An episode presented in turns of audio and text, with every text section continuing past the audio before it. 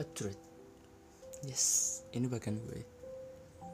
Dan juga di podcast sebelumnya kan Aku bakal bahas buku ini.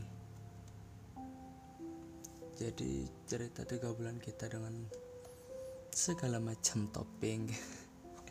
Dari kita yang masih beneran biji gitu Sampai bener-bener tumbuh Sampai yang melilit ya. Lebay. Semua serba kebetulan kan ya Spontan. Apa sih yang aku tahu soal kamu? Paling juga baca rebahan. Perfeksionisku yang sering kambuh jadi untuk hal yang spesial untuk orang yang disayang c gitu. jadi itu beneran nggak mau mainstream. Kenapa kepikiran buat buku ini gitu? Jadi waktu kamu masuk rumah sakit kena demam berdarah itu Mei itu ya nggak nyambung juga sih. Cuman ya memang di hari-hari itu aku mulai kepikiran kayaknya aku pengen bikin apa ya terima kasih gitu apresiasi proses kita yang dari nol sampai titik ini tuh bikinin apa gitu. Tapi nggak tahu mesti ngapain mesti bikin apa. Dan kayak intuisiku kayak ngomong lu bikin rekap cerita aja deh gitu. Betul kan ulang tahun kita selisih 4 bulanan kurang kan ya jadi kayak kepikiran ya udah ini buat kado ulang tahun juga sih nggak masalah.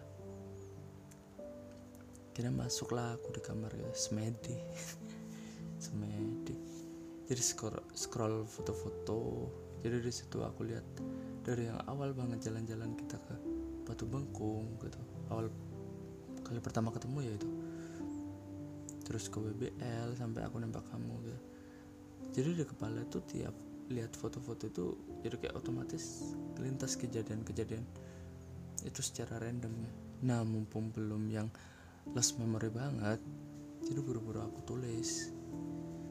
Jadi hal-hal yang penting jadi kayak istilahnya gue nulis keyword-keywordnya gitu. Jadi kayak es pas aku baca kalimat itu jadi kayak otomatis mengarah ke cerita-cerita itu. Brainstorming sama tulisannya aneh. Terus juga aku orangnya nggak bisa terkonsep kan gitu.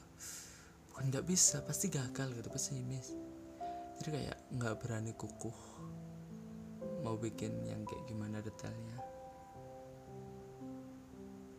Jadi mungkin waktu itu HP aku sering lemot ya gara-gara not random buat satu buku itu.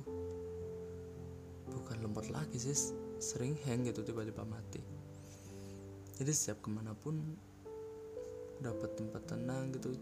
Jadi kayak recharge. Cari ceritanya itu jadi benar-benar gue ingat ingat gitu. Terus nulis jadi nggak harus selalu di kamar sih. Referensi buku kosakatanya juga cuman dari Versa Besari sama Brian Krishna gitu. dan kebetulannya lagi kan baru aja selesai baca bukunya Brian Krishna yang tebel banget itu. Jadi kayak influence bahasa bahasanya itu dari situ. Banyak yang aku korbanin buat buku itu sih. Pencitraan. Tapi emang iya jadi dari dari yang timing olahraga berantakan gitu malah hampir dua bulan itu enggak olahraga sama sekali. Gendut parah terus juga kedua kan aku ikut bimbel bahasa Inggris online kan ya. Ya cuman buat nambah kosakata sih. Dan itu beneran aku tinggal pas waktu kamu ucapin selamat ulang tahun buat aku. Waktu itu masih ngerjain beberapa taks kayaknya. Cuman kan itu malam takbir gitu. Gabut banget. Malam takbir bukannya takbir malah ngerjain tugas udah otomatis tak tinggal. Jadi nggak nggak aku buka sama sekali gitu. Udah aku konfirmasi sama orangnya ya udah. Dan setelah lebaran proses nulis yang nyata itu baru dimulai perang sama mood ya. Waktu kita masih sering nggak ketemu beberapa bulan itu kayak aja mumpung akhirnya resah. Iya gitu tapi ya ya lumayan jelas gitu buat nulis gitu. Kadang Tuhan juga seadil itu sih. Berdua waktu kepikiran bikin buku tuh bukan malah ke bukunya bukan malah cari sudut pandang ceritanya apa segala macam tapi malah nyari percetakannya dulu gitu. Karena aku nggak tahu nyetaknya di mana gitu.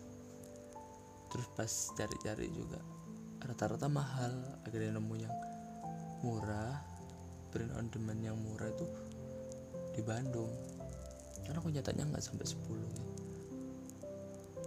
akhirnya ya udah itu aku ambil. Cuman kepikiran pas waktu ngirim file itu cuman gini ini berhasil ya syukur enggak ya? Ya udah kasih kado mainstream aja gitu ya. Kado itu sama udah bikin PDF aja gitu. Pas udah jadi sampai rumah buka tuh unboxing unboxing buku sendiri gitu. Kayak pengen nangis gitu. Ya gimana? Beneran kayak nggak kepikiran. Dari yang hal yang nggak kepikiran terus tiba-tiba gue bisa bikin buku ini gitu. Ya meskipun hasilnya berantakan gitu penyentingannya amburadul tapi beneran lu tuh berperan penting banget sih di, di aku. Jadi kayak kayaknya tiap podcast itu gue ngucapin terima kasih deh. Tapi memang bener gitu. Jadi kayak terima kasih buat kamu gitu. Tanpa kamu tanpa babe tanpa ex sahabatmu itu gitu. Cerita ini nggak bakal ada. Jadi terima kasih